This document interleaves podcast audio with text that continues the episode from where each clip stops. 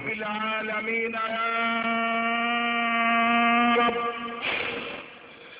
يا رب ارحمنا فإنك بنا راحم. ولا تعذبنا فأنت علينا قادر. الطف بنا فيما جرت به المقادير إنك على كل شيء قدير. يا نعم المولى ويا نعم النصير غفرانك ربنا وإليك المصير. وصلى الله على البشير النذير سيدنا محمد. اللهم لا تحرمنا أجره ولا تفتنا بعده. اللهم احشرنا في زمرته وتحت لوائه. اللهم ارزقنا قبل الموت توبة وارزقنا عند الموت شهادة وارزقنا بعد الموت جنة ونعيما.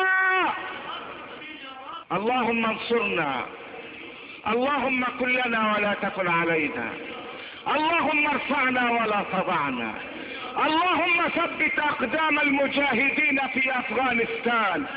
اللهم انصرهم على القوم الكافرين. اللهم انصر المجاهدين في سوريا على الظالمين. اللهم ارم الظالمين بالظالمين واخرجنا من بينهم سالمين. اللهم احفظ دماء المسلمين في العراق وايران اللهم ارفع راياتنا في كل مكان. آمين. وأشهد أن لا إله إلا الله. سالوا العارف بالله إبراهيم الخواص. فقالوا له يا إبراهيم ما هو دواء القلب؟ فقال العارف بالله دواء القلب خمسة أشياء. قراءة القرآن بتدبر وإخلاء البطن من الحرام وقيام الليل والدعاء وقت السحر ومجالسة الصالحين. أيها الموحدون من الرزاق؟ من الخلاق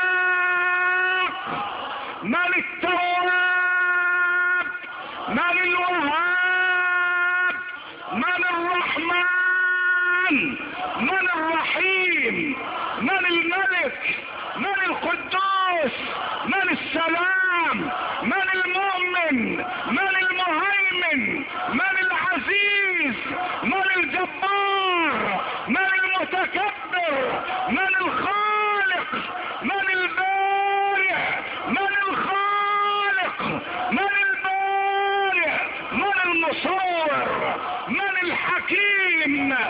الشافي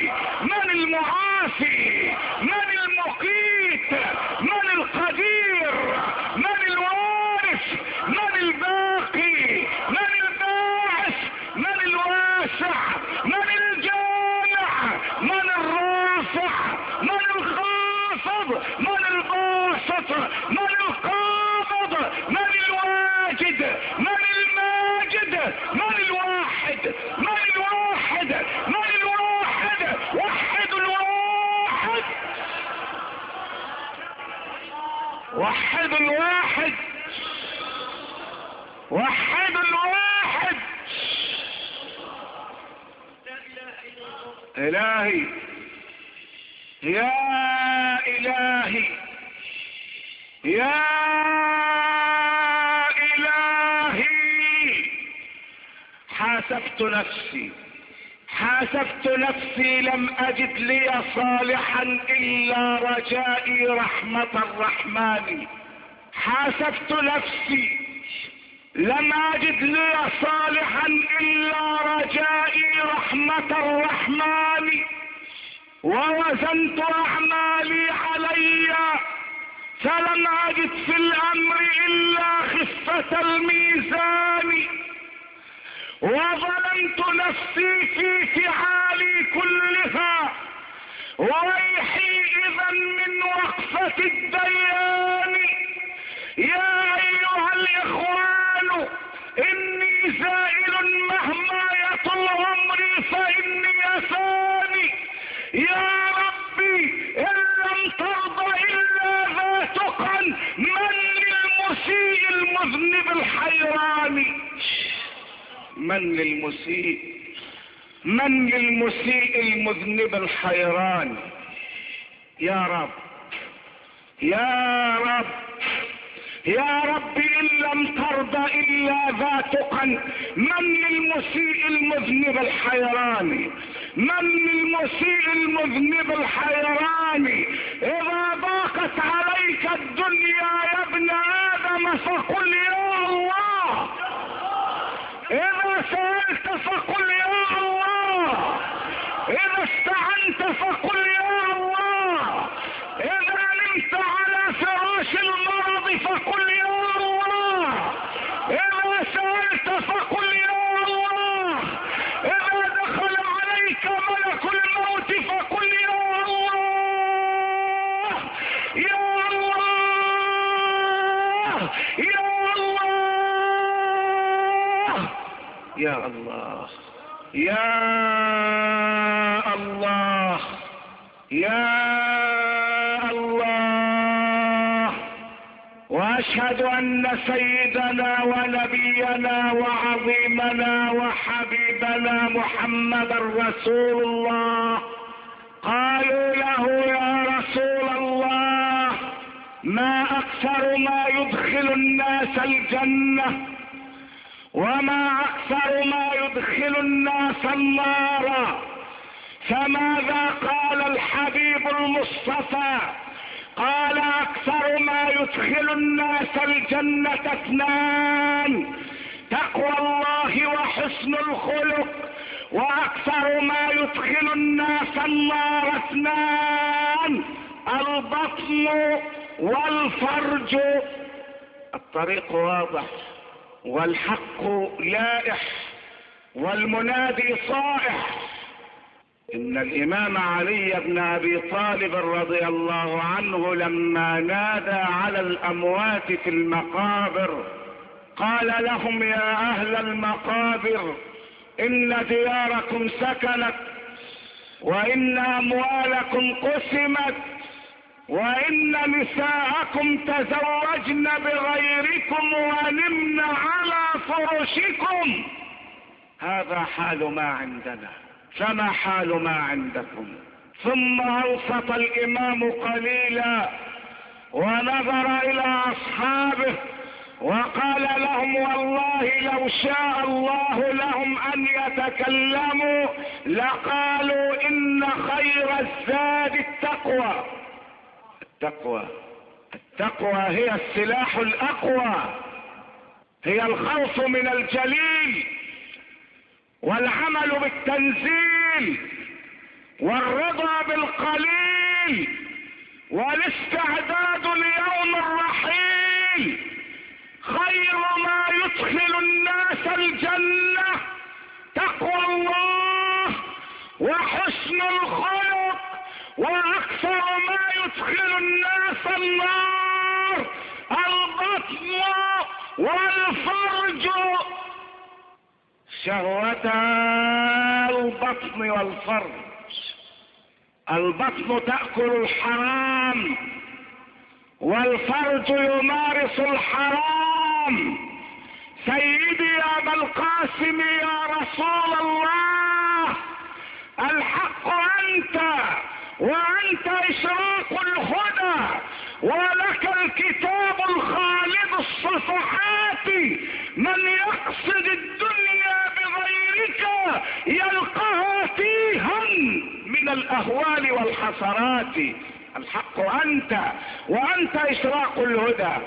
ولك الكتاب الخالد الصفحات. ولك الكتاب الخالد الصفحات. من يقصد الدنيا بغيرك يا محمد. من يقصد الدنيا بغيرك يلقاها تيها من الأهوال والحسرات. صلى عليك الله يا علم الهدى. يا علم الهدى صلى عليك الله. ما هبت النسائم وما ناحت على الأيك الحمائم.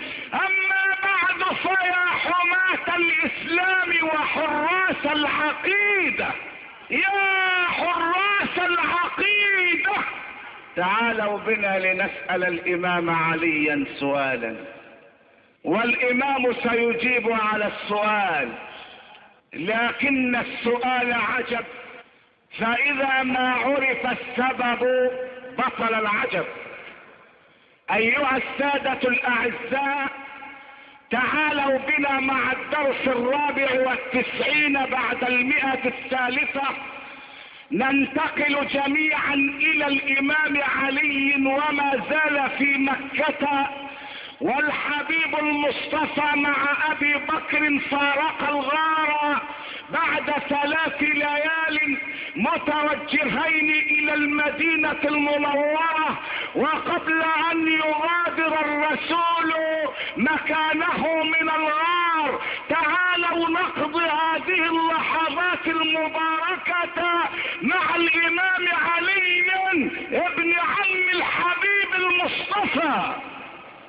يا علي وعندما أقف أمامك أجدني أمام شاب وصفه ضرار الصدائي فقال أما إذ لا بد من وصفه فكان والله بعيد المدى شديد القوى يقول فصلا ويحكم عدلا يتفجر العلم من جوانبه وتنطق الحكمة من نواحيه.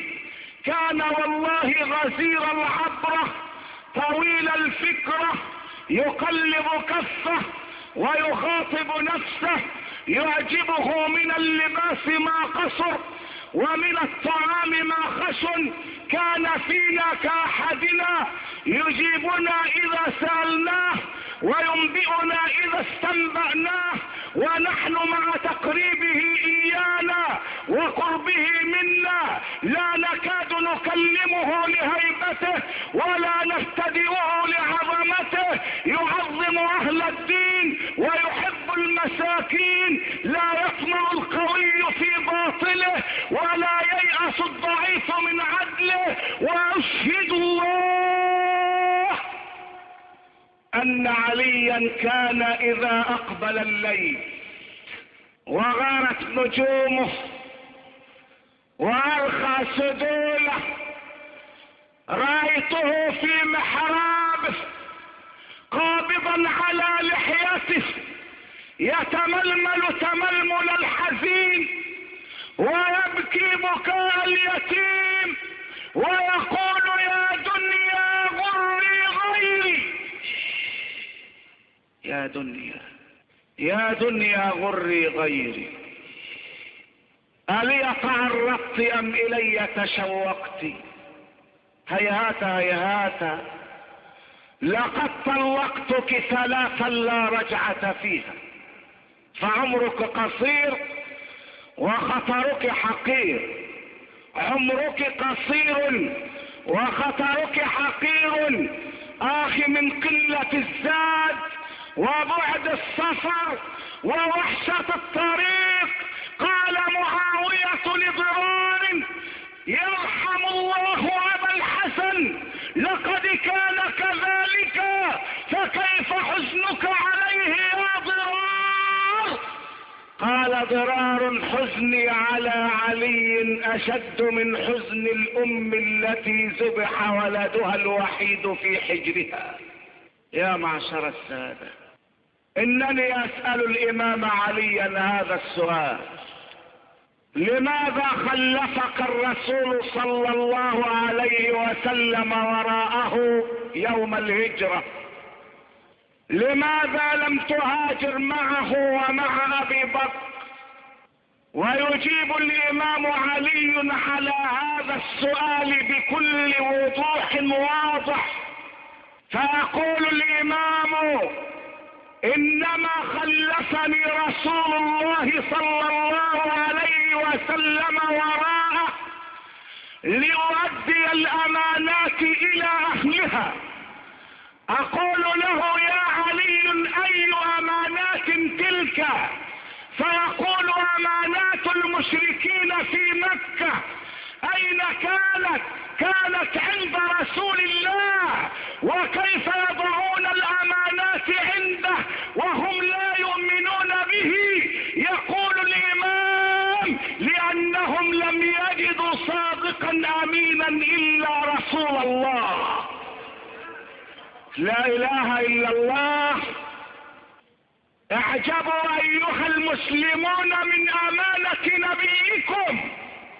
كفر أهل مكة بالله. وكفروا برسول الله. ومع ذلك لم يجدوا أمينا يضعون عنده الأمانات إلا رسول الله. كان لقبه قبل البعثة الصادق الأمين. لقبوه بذلك. كانوا لا يعرفون إلا الصادق الأمين. وضعوا الأمانات عنده ووضعوا الودائع في بيته ومع ذلك كان الرسول يستطيع قبل أن يهاجر أن يأخذ الأمانات كلها ويهاجر بها إلى المدينة لكنه يأبى كل الإباء أن يكون خائنا لأنه هو الذي علم البشرية الامانه فخلف عليا وراءه ليؤدي الأمانات إلى أهلها. تعالوا أيها السادة الأعزاء لاقف وقفة مع الأمانة مع الأمانة ونحن في عصر ضاع فيه الأمناء وكثر فيه البلغاء والفصحاء. تعالوا اقلب صفحات الكتاب الكريم أبحث عن الأمانة وعندما أقلب القرآن جريا وراء الأمانة. أجد القرآن الكريم قد نص على الأمانة في ست صور من صوره الكريمة قال تعالى في سورة البقرة فإن أمن بعضكم بعضا فليؤدي الذي ائتمن أمانته وليتق الله ربه وليتق الله ربه. ولذا قال النبي صلى الله عليه وسلم لا إيمان لمن لا أمانة له ولا دين لمن لا عهد له. وتعالوا نحضر هذه الدقائق المعدودات مع عبد الله بن عمر رضي الله عنهما وهو على فراش الموت. أتدرون ماذا قال لأهله؟ بما توصينا يا عبد الله. قال لهم إن بيني وبين فلان ابن فلان شبه وعد. لقد طلب مني أن يتزوج ابنتي فقلت له إن شاء الله ولم أنجز معه الكلمة الأخيرة فأوصيكم إن أنا مت أن تزوجوه ابنتي لأنني أخشى أن ألقى الله بثلث نفاق. ما هذا؟ لأن النفاق ثلاثة إذا حدث كذب وإذا وعد أخلف. وإذا اؤتمن خان الرجل طلب منه أن يجوزه ابنته أن يزوجه كريمته. فقال له عبد الله إن شاء الله. ولم ينجز معه ما وعد. قال زوجوه ابنتي. فأنا أخشى أن ألقى الله بثلث النفاق. وينتقل بنا النظم الكريم إلى موضع آخر في سورة النساء. إن الله يأمركم أن تؤدوا الأمانات إلى أهلها. إن الله يأمركم أن تؤدوا الأمانات إلى أهلها. وإذا حكمتم بين الناس أن تحكموا بالعدل إن الله نعم ما يعظكم به. إن الله كان سميعا بصيرا. إن الله يأمركم. هذا أسلوب توكيد يفيد عظم الأمر الإلهي ويفيد ضخامة المسؤولية المأمور بها من الله. إن توكيد ويأمركم ولم يقل أمركم إن الله يأمر أي أن الأمر مستمر إلى يوم القيامة. لو قال إن الله أمركم ربما قال قائل إن هذا الخطاب كان موجها إلى أصحاب الرسول ثم انتهى. لكن الله عبر بيأمر الفعل الدال على الحال والاستقبال.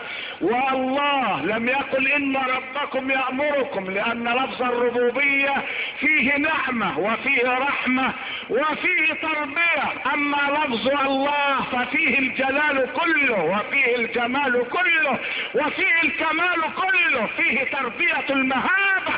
إن الله المنتقم الجبار. يأمركم. بماذا؟ أن تؤدوا الأمانات. إلى من؟ إلى أهلها. وتعالوا لتعجبوا معي متى نزلت هذه الآية الكريمة. نزلت يوم فتح مكة. يوم دخل الرسول في العام الثامن من الهجرة مكة المكرمة. وكانت مفاتيح الكعبة مع رجل من المشركين يسمى عثمان ابن طلحة. ذهب الإمام علي إلى عثمان وقال له هات مفاتيح الكعبة يا عثمان إلى رسول الله. وكان عثمان مشركا يومها لكن عثمان أبى أن يسلم المفاتيح لأبي الحسن. فإذا بعلي يلوي عنق عثمان ويأخذ المفاتيح منه قسرا وقهرا. ويذهب علي بالمفاتيح إلى سيدنا محمد النبي الهدى والمصابيح. ويأخذ الرسول المفاتيح من علي مفاتيح الكعبة.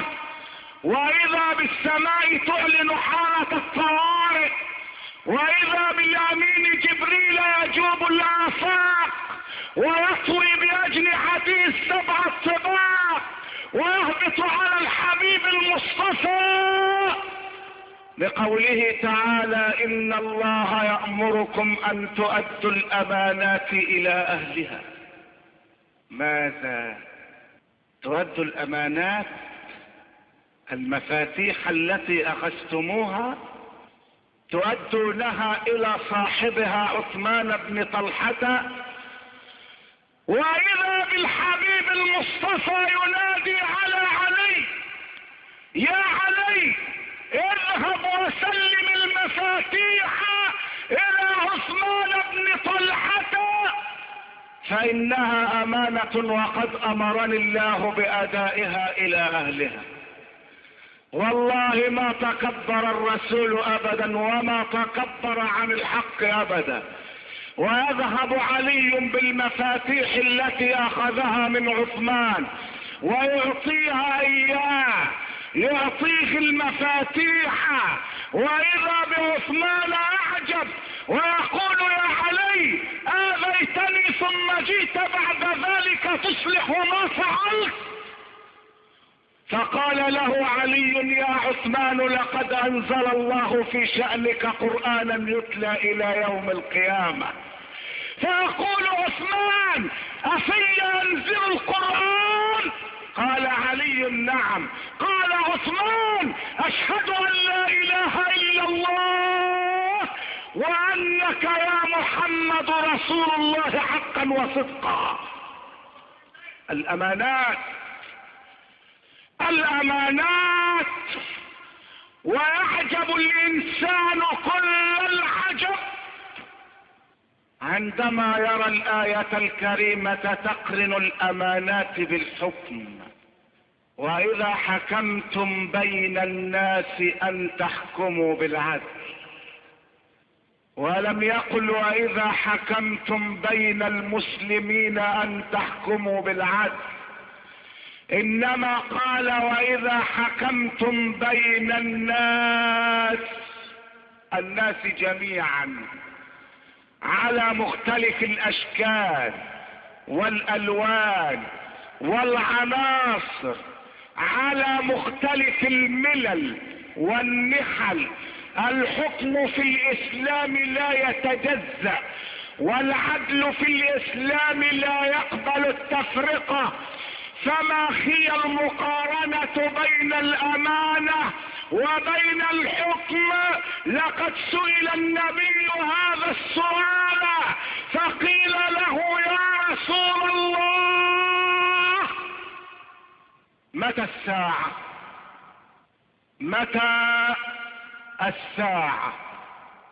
فقال الحبيب للسائل إذا ضيعت الأمانة فانتظر الساعة. قال السائل فما ضياعها؟ ما ضياع الأمانة؟ فقال الحبيب محمد إذا وسد الأمر إلى غير أهله. أي إذا تولى حكم المسلمين من لا يحكم بالكتاب والسنة. انتظر الساعة انتظر الساعة. إذا ولي أمر المسلمين من لا يعرف الله ورسوله لقد كان لعمر بن عبد العزيز رضي الله عنه مستشار خاص اسمه عمر بن مهاجر. أتدرون ما وظيفته؟ ما عمله؟ ما شأنه؟ قال له عمر بن عبد العزيز يا عمر بن مهاجر أنت بجانبي لعمل واحد اذا رأيتني ضللت فخذ بمجامع ثوبي وهزني وقل لي اتق الله يا عمر فإنك ستموت. الله الله لا إله إلا الله. مستشار خاص. بعمر بن عبد العزيز خصصه عمر ليقول له إذا رأيتني ضللت فخذ بمجامع ثوبي وهزني هزا عنيفا وقل لي اتق الله يا عمر فإنك ستموت. ستموت اتق الله يا عمر فإنك ستموت. عمر هذا كان يحكم أمة مترامية الأطراف بعيدة المدى لا تغيب عنها الشمس. كان يحكم أمة تمتد حدودها من حدود الصين شرقا إلى باريس غربا. ومن حدود سيبيريا شمالا إلى المحيط الهندي جنوبا ومع ذلك جاءته بناته ليلة العيد.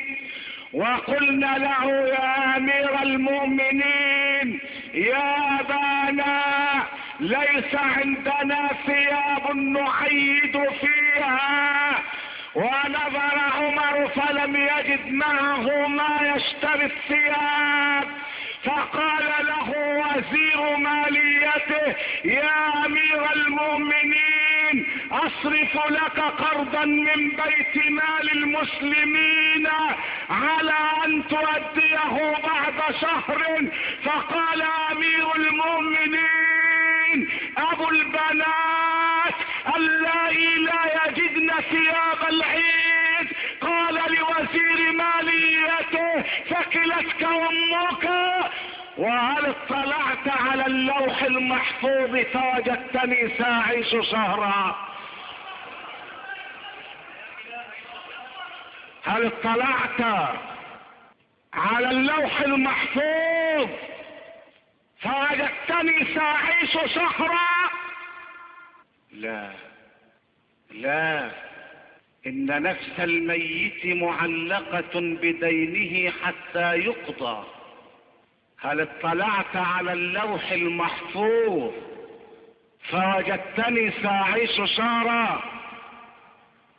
عمر عمر بن عبد العزيز يابى كل الإباء أن يمد يده لمال المسلمين. لمال المسلمين ولو على سبيل القرض الذي سيؤدى ويقول لوزير ماليته سكلتك أمك هل اطلعت على اللوح المحفوظ؟ فوجدتني سأعيش سارة. عمر عمر عمر بن عبد العزيز عمر بن عبد العزيز يأبى أن يمد يده لمال المسلمين ولو على سبيل القرض والسلف الذي سيؤدى. ومجلس الشعب عندنا يبحث ألفين طن من اللحوم الفاسدة التي مضى عليها ثلاث سنوات. أين مالها؟ أين مالها؟ ومن الذي اشتراها وعرق من هذا؟ عرق شعب يخال الرغيف في البعد بدرا ويظن اللحوم صيدا حراما. عرق شعب إن أصاب الرغيف من بعد كد صاح من لي بأن أصيب الإدامة؟ من لي بأن أصيب الادامه فماذا أنت فاعل يا عمر؟ بناتك أمامك لا يجدن ثياب العيد وقد أبيت القرض وخفت الرب. فماذا أنت صانع؟ توجه لبناته وقال لهم يا بناتي اذهبن مأجورات فليس العيد لمن لبس الجديد إنما العيد لمن خاف يوم الوعيد. ليس العيد لمن لبس الجديد إنما العيد لمن خاف يوم الوعيد ولا عجب فإن عمر بن عبد العزيز حفيد عمر بن الخطاب فأم عمر بن عبد العزيز هي السيدة ليلى بنت عاصم بن عمر بن الخطاب. وعمر بن الخطاب نسل طاهر عمر بن الخطاب انتظره المسلمون ذات يوم ليخطب الجمعة وحان الأذان وانعقدت عيون المسلمين على باب المسجد ما الذي أخر أمير المؤمنين وإذا بعمر يطلع كأنه هلال رمضان ويصعد المنبر ويقول لعلكم تساءلتم ما الذي أخرني. والذي بعث محمدا بالحق ما أخرني إلا أنني لا أملك إلا قميصا واحدا فلما غسلته ونشرته انتظرت حتى يجف فلما جف لبسته وجئت لأصلي بكم الجمعة. والله لو كان عندي قميصان ما تأخرت عنكم لحظة. أمير المؤمنين. أمير المؤمنين لا يملك سوى قميص واحد. أمير المؤمنين أنظر إلى الحكم على أنه أمانة لا على أنه شياكة ووجاهة ونزهة خلوية. أمير المؤمنين يرى نفسه مسؤولا فيقول والذي بعث محمدا بالحق لو أن بغلة عثرت في العراق لسألني الله عنها لما لم تصلح لها الطريق يا عمر. أمير المؤمنين ومع ذلك ينام على فراش الموت فينادي على ابنه عبد الله ويقول له يا عبد الله إليك وصيتي. اسمعوها فإن الحكم أمانة. إن الله يأمركم أن تؤدوا الأمانات إلى أهلها. وإذا حكمتم بين الناس أن تحكموا بالعدل الحكم أمانة والحكم رسالة والحكم مسؤولية. اسمعوا ماذا قال عمر بن الخطاب لابنه عبد الله وهو على فراش الموت ودماؤه الزاكية تنزف من جسده الشريف. يا عبد الله أغمض عيني قبل خروج روحي. يا عبد الله إذا أنا مت فغسلوني وكفنوني في يمنية بيضاء. في ثوب أبيض. متواضع. يا عبد الله وأسرعوا في السير بي. فإن يكن لي عند الله خير قدمتموني إليه. وإن يكن لي عند الله غير ذلك فإنما هو شر تلقونه عن أكتافكم. لا إله إلا الله. لا إله إلا الله. يا عبد الله اقصدوا في كفني. اقصدوا في كفني. لم يطلب كفنا من حرير كما يفعل الأمراء. إنما طلب قطعة من ثوب أبيض. فإن يكن لي عند الله خير أبدلني منه ثيابا من سندس واستبرق وإن يكن لي عند الله غير ذلك سلبه عني. يا عبد الله واقصده في حفرتي في قبري.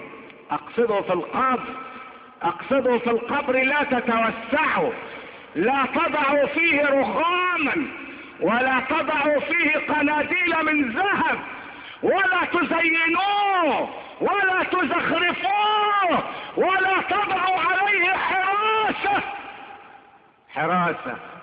جنود ينامون ويتبادلون الورديات على قبر الزعيم. من أي شيء تحرسون. إن القبر في داخله عجبا. فهل أنتم تستطيعون أن تنقذوا صاحبه؟ لا تستطيعون ذلك. أقصدوا في حفرتي. فإن يكن لي عند الله خير وسعه علي جنة عرضها السماوات والأرض.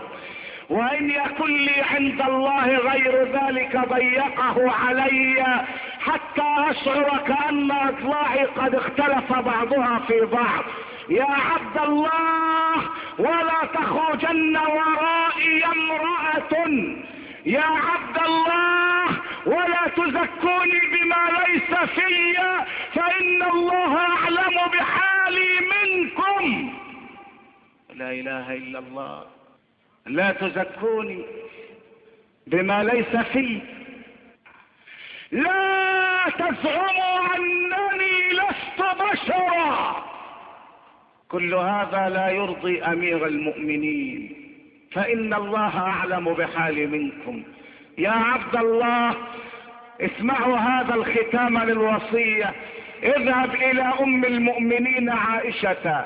وقل لها عمر بن الخطاب يستأذنك أن يدفن بجوار رسول الله صلى الله عليه وسلم. قل لها عمر ولا تقل لها أمير المؤمنين فلست الآن أميرا للمؤمنين. قل لها عمر ولا تقل لها أمير المؤمنين فلست الآن أميرا للمؤمنين. وأذهب عبد الله إلى عائشة رضي الله عنها وأستأذنها أن يدفن ابوه بجوار المصطفى. فتقول عائشة لقد كنت اعد هذا المكان لنفسي ليدفن بجانب رسول الله وبجانب أبي أبي بكر الصديق. أما وقد طلبه أمير المؤمنين فأنا أفضل أمير المؤمنين على نفسي وأرجع عبد الله إلى أبيه ويخبره بأن عائشة قد رضيت بهذا فيقول له عمر يا عبد الله إذا أنا مت فلا تدفني حتى تستأذنها مرة أخرى لأنها ربما رضيت في حياتي حياء مني ورجعت بعد مماتي. لله ضرك لله ضرك يا أمير المؤمنين. حتى في تسعة أشبار من الأرض تنام فيها جسدا هامدا يا أمير المؤمنين لله ضرك أشبار من الأرض تنام فيها وأنت ميت. تستأذن أم المؤمنين مرتين. مرة في الحياة ومرة بعد الممات. وعندما حضرته سكرات الموت قال لابنه عبد الله يا عبد الله ارفع رأسي عن الوسادة وضعه على الأرض عسى الله أن ينظر إلي فيرحمني ويدفن أمير المؤمنين. وتقول عائشة لقد كنت أدخل بقميص نومي قبل أن يدفن عمر. كنت أدخل على رسول الله وعلى أبي بكر. فلما دفن عمر استحييت أن أدخل عليه وهو ميت بقميص نومي. ما هذا الأدب؟ وما هذا الحياء؟ ما هذا الخلق وما تلك التربية؟ يقول عثمان بن عفان رضي الله عنه لما مات عمر رأيته في المنام فقلت له ماذا قلت للملكين يا عمر وماذا قال لك الملكان؟ قال عمر لما أقعداني للسؤال نظرت إليهما وقبل أن يسألاني قلت لهما من ربكما. عمر يسأل الملكين. إنه الفاروق.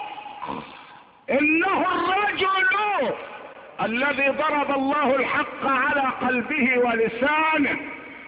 أيها الإخوة الأعزاء بقي في الأمانة أربعة مواضع.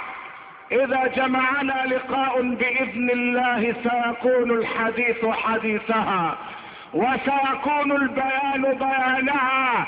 وأعوذ بحضراتكم الآن من هنالك حيث علي إلى هناك حيث عمر وعمر إلى هنا وما أدراك ما هنا. هنا مدرسة محمد صلى الله عليه وسلم كتب على بابها وما أرسلناك إلا رحمة للعالمين. أيها الإخوة الاعزاء كل بني آدم خطاء وخير الخطائين التوابون. الحمد لله رب العالمين. وأشهد أن لا إله إلا الله ولي الصالحين. وأشهد أن سيدنا ونبينا وعظيمنا وحبيبنا محمد رسول الله. خاتم الأنبياء والمرسلين. أيها السادة الأعزاء عندما نتوجه بهذين السؤالين إلى الأمة الإسلامية إنما نقصد أن نكرس الحقائق ونضع النقاط على الحروف ونسمي الأشياء بأسمائها ونضع الحقائق في أماكنها. السؤال الأول أين نحن من عدونا؟ والسؤال الثاني وأين عدونا منا؟ ولابدا الإجابة عن السؤال الثاني أين عدونا منا؟ أعداؤنا ثلاثة. شيوعية حمراء وصليبية حاقبة وصهيونية متآمرة كائده أين عدونا منا؟ وإذا قلنا شيوعية فإن الشيوعية هي البنت البكر للصهيونية العالمية. اذا هناك صليبية وهناك صهيونية اليهود مع النصارى. الصهيونية مع الصليبية اصطلحوا واتفقوا وتعالقوا على ماذا؟ على ضرب الإسلام. الصهيونية العالمية والصليبية العالمية. بعدما ظل عشرين قرنا من الزمان في عداء كان هناك عداء محتدم بين اليهود وبين النصارى لكن هذا العداء سرعان ما زال في عصر الوفاق كان اليهود يتهمون المسيح بأنه ابن زنا. وقالوا لمريم يا مريم لقد جئت شيئا ثريا والنصارى يقولون إن المسيح هو الله. وجاء الإسلام جاء الإسلام من بين فرث ودم لبنا خالصا سائغا للشاربين. اليهود اتهموا مريم بالزنا. واتهموا المسيح بأنه ابن حرام وبكفرهم وقولهم على مريم بهتانا عظيما. والنصارى قالوا إن المسيح هو الله. وجاء القرآن ليفصل في المسيح وأمه فقال تعالى ما المسيح ابن مريم إلا قد خلت من قبله الرسل وأمه صديقة. يا ربي أليس إلها؟ أليس ابن الله؟ قال القرآن في حل القضية كلمة واحدة. قال الكتاب العزيز كانا يأكلان الطعام. وما معنى هذا؟ كانا يأكلان الطعام؟ من أكل الطعام شرب الماء. ومن شرب الماء كون الطعام والماء له خلايا. وكونت الخلايا أنسجة. وكونت الأنسجة أعضاء. وكونت الأعضاء أجهزة. فمن كان هذا شأنه نام فهل يليق بالإله أن ينام؟ كان ياكلان الطعام. فمن آكل الطعام وشرب الماء فإن الطعام والماء يكونان الخلايا. السيتوبلازم والبروتوبلازم والجينات والكروموزومات. ومن كون الخلايا فإن الخلايا تكون الأنسجة. فإذا تكونت الأنسجة كونت الأعضاء. وإذا تكونت الأعضاء تكونت الأجهزة. هذا جهاز عصبي سمبتاوي يتكون من المخ والمخيط والأعصاب المنتشرة في الجسم. وهذا جهاز هضمي يبدأ من القناة الهضميه واللسان والأسنان والمعدة والأمعاء والبنكرياس والطحال. وهذا جهاز دوري يتكون من القلب وغرف القلب والدم والبطون الأيمن والأيسر والاذين وهذا جهاز عظمي يتكون من الهيكل العظمي وغير ذلك. وهذا جهاز تنفسي يتكون من الرئتين وغير ذلك. فمن كان هذا شأنه لا بد أن ينام. ومن كان هذا شأنه لا بد أن يصاب بالأمراض. ومن كان هذا شأنه لا بد أن يموت. والله حي لا يموت. الله حي لا يموت. إن الإله لا ينام. إن الإله لا يمرض ولقد عجبت كل العجب. والله تعالى يقول يا أيها الذين آمنوا لا تتخذوا اليهود والنصارى أولياء. بعضهم أولياء بعض. ومن يتولهم منكم فإنه منهم. إن الله لا يهدي القوم الظالمين. عجبت كل العجب. لعالم من علماء المسلمين أدلى بتصريح والله الذي لا إله غيره. أنا ما زلت حتى الآن حائرا في تفسير ما قال ذلك العالم. قال العالم لمجلة الدعوة يفضل التعامل مع اليهود والنصارى يفضل التعامل معهم على التعامل مع جماعة من المسلمين مع جماعة من المسلمين. رفعوا كلمة التوحيد عالية. والله عجبت كل العجب كيف سولت له نفسه أن يقول هذا الكلام؟ لماذا؟ هل اليهود والنصارى اليهود الذين قالوا يد الله مغلولة. يد الله مغلولة. وقال الله عنهم غلت أيديهم ولعنوا بما قالوا.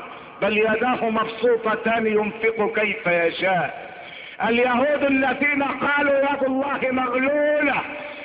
تعاملك مع اليهود الذين قالوا إن الله فقير ونحن أغنياء. التعامل مع اليهود أفضل من التعامل مع قوم يقولون الله غايتنا والرسول زعيمنا والقرآن دستورنا والجهاد سبيلنا والموت في سبيل الله أسمى أمانينا. شيء عجيب. عالم يفضل التعامل مع اليهود الذين قتلوا الأنبياء وقال الله في حقهم ويقتلون النبيين بغير الحق. ذلك بما عصوا وكانوا يعتدون. وكانوا يعتدون. يفضل التعامل مع اليهود. قتلة الأنبياء. والتعامل مع النصارى. الذين قالوا اتخذ الله ولدا. لقد جئتم شيئا إدا تكاد السماوات يتفطرن منه وتنشق الأرض وتخر الجبال هدا أن دعوا للرحمن ولدا. وما ينبغي للرحمن أن يتخذ ولدا. إن كل من في السماوات والأرض إلا اتي الرحمن عبدا. لقد أحصاهم وعدهم عدا. وكلهم آتيه يوم القيامة فردا. ماذا حدث؟ ماذا حدث؟ لعلماء المسلمين يفضلون أو يفضل هذا العالم التعامل مع اليهود والنصارى مع أعداء الله مع الذين غضب الله عليهم ولعنهم. يفضل التعامل معهم على التعامل مع جماعة من المسلمين مع جماعة من المسلمين. رفعوا كلمة التوحيد عالية. يكفي أنهم يقولون لا إله إلا الله. محمد رسول الله. اليهود والنصارى صفوا خلافاتهم. وفي مؤتمر العناق والوفاق زالت العداوات بين اليهود والنصارى. ومع ذلك نرى المسلمين شيعا. هذا سلفي وذاك خلفي وذلك سني ورابع شيعي. وخامس خارجي وسادس صوفي. هذا سلفي. يقول لك أنا سلفي وهذا يقول لك أنا خلفي وذلك يقول لك أنا سني ورابع يقول لك أنا شيعي وخامس يقول لك أنا من الخوارج وبعد ذلك يقول لك أنا صوفي. اسمعوا يا مسلمون. إن الله تعالى حل المشاكل كلها بكلمة واحدة. ألم تقرأوا قول الله تعالى وجاهدوا في الله حق جهاده هو اجتباكم وما جعل عليكم في الدين من حرج ملة أبيكم إبراهيم هو سماكم. السلفيين الصوفيين الشيعيين السنيين الخلفيين الخارجيين هو سماكم ماذا؟ هو سماكم المسلمين من قبل. فهل ترفضون اسما سماه الله لكم؟ الله سماكم المسلمين وجعلكم مسلمين. فهل ترفضون تسمية الله رب العالمين؟ اليوم أكملت لكم دينكم. وأتممت عليكم نعمتي ورضيت لكم الإسلام دينا. الإسلام. قل إن صلاتي ونسكي ومحياي ومماتي لله رب العالمين. لا شريك له وبذلك أمرت وأنا أول المسلمين. ايسمينا الله مسلمين؟ ونخترع لأنفسنا أسماء. أنا سلفي أنا خلفي أنا شيعي أنا سني أنا خارجي أنا صوفي. بل أنا مسلم أنا مسلم أنا مسلم. وحدوا من لا يغفل ولا ينام. لا إله إلا الله. قيل لسلمان الفارسي يا سلمان من أبوك؟ فقال سلمان أنا ابن الإسلام. فلما بلغ ذلك عمر بن الخطاب رضي الله عنه بكى وقال وأنا ابن الإسلام وأنا ابن الإسلام وأنا ابن الإسلام. أيها السادة إن الطريق أمامنا شاق وطويل. لقد قسمت بلاد المسلمين إلى مناطق نفوذ.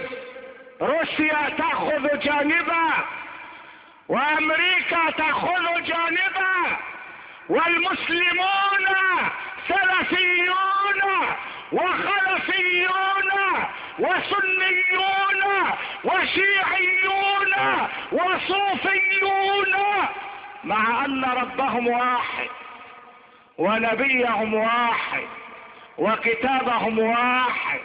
الله نور الله نور والقرآن نور.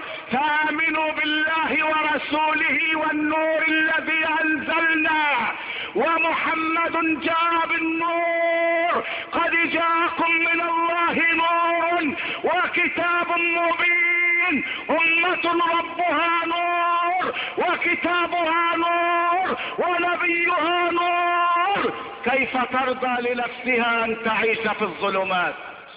كيف ترضى؟ وكيف يجرؤ واحد من علمائها أن يفضل التعامل مع الكفار على التعامل مع جماعة من المسلمين؟ وكيف ترضى لعالم من علمائها يقف في مجلس الشعب ويقول لو كان بيدي شيء من الأمر لرفعت الحاكم إلى قمة لا يسأل عما يفعل وهم يسألون. هل هناك أحد غير الله لا يسأل عما يفعل؟ إن النبي محمدا قال له ربه وإنه لذكر لك ولقومك وسوف تسألون. وإن الرسل سيسألون. إن الله يقول فلنسألن الذين أرسل إليهم ولنسألن المرسلين. ويقول يوم يجمع الله الرسل فيقول ماذا أجبتم؟ قالوا لا علم لنا إنك أنت علام الغيوب. يا علماء المسلمين لا تخشوا إلا الله. الإسلام يناشدكم كلمة الحق. قولوها لله. يا شيخ الأزهر طالب بتطبيق الشريعة. وأجرك على الله. لا تخشى إلا الله. إنك ستموت. إنك ستموت. ولو دام الكرسي لمن قبلك ما وصل الكرسي اليه وسياتي من بعدك بعد موتك. فقل لله كلمة تشفع لك عند الله. طالب بتطبيق شرع الله. يا معشر المسلمين الأعزاء والله إني لاعجب كل العجب. لما سمعته؟ تم إلقاء القبض على لص بتهمة ماذا؟ سرق فستان زفاف. من بيت أحد الأطباء. أتدرون ما ثمن الفستان؟ اعتدنا إذا اشترى أحدنا لزوجته ثوبا ألا يزيد عن ثلاثة جنيهات أو أربعة جنيهات. أتدرون ما ثمن هذا الفستان الذي سرقه ذلك اللص؟ لص الألف مسكن متخصص في هذه المنطقة. أتدرون ما ثمن هذا الفستان خمسة جنيهات؟ لا. عشرة؟ لا. مئة؟ لا. مئتان؟ لا. خمسمائة؟ لا. ألف جنيه؟ لا. ثمن الفستان ألف جنيه ألفين جنيه. سيدة ترتدي فستان بألفين جنيه. في بلد يرتعد فيه الفقير من شدة البرد لا يجد قطعة من الكستور تستر جسده. فستان لزوجة طبيب قدر ثمنه بألفي جنيه. الباء حرف جر وألفي مجرور بالباء وعلامة جره الياء نيابة عن الكسرة لأنه مثنى والنون حذفت للإضافة وأصلها بألفين جنيه. فلما أضيف المثنى حذفت نونه. فستان بألفي جنيه. يرحم الله أمير المؤمنين عمر بن الخطاب. دخل عليه حذيفة بن اليمان في ليلة شديدة البرد فوجده يلبس ثوبا رقيقا ويرتعد. فقال له حذيفة ما شأنك يا أمير المؤمنين؟ قال شأني كما تراني لبست هذا الثوب الرقيق وأخذت ارتعد لأنني تذكرت حال الفقراء الذين لا يجدون الكساء فلم اجد شيئا إلا أن أشاركهم في آلامهم في شدة البرد أشاركهم الآلام في شدة البرد فستان بألفي جنيه سرقه اللص لا. إن الله لا يرضى عن هذا. إن الله أهلك القرى عندما قال فكأي من قرية أهلكناها وهي ظالمة فهي خاوية على عروشها وبئر معطلة وقصر مشيد. ناس يعيشون في القصور والأبراج وآخرون لا يجدون الماء في البئر المعطلة. الله لا يرضى بهذا.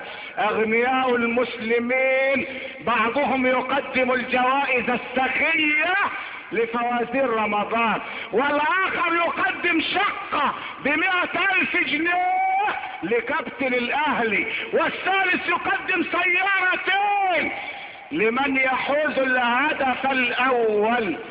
اتقوا الله يا مسلمون. اتقوا الله يا مسلمون. إن الله لم يقل إنما الأموال للفوازير واللاعبين. ومن يحرزون الهدف الأول إن هذه الأموال يقول فيها مولانا في الحديث القدسي الجليل الأغنياء وكلائي والفقراء عيالي فإذا بخل وكلائي على عيالي اخذتهم ولا أبالي. اتقوا الله.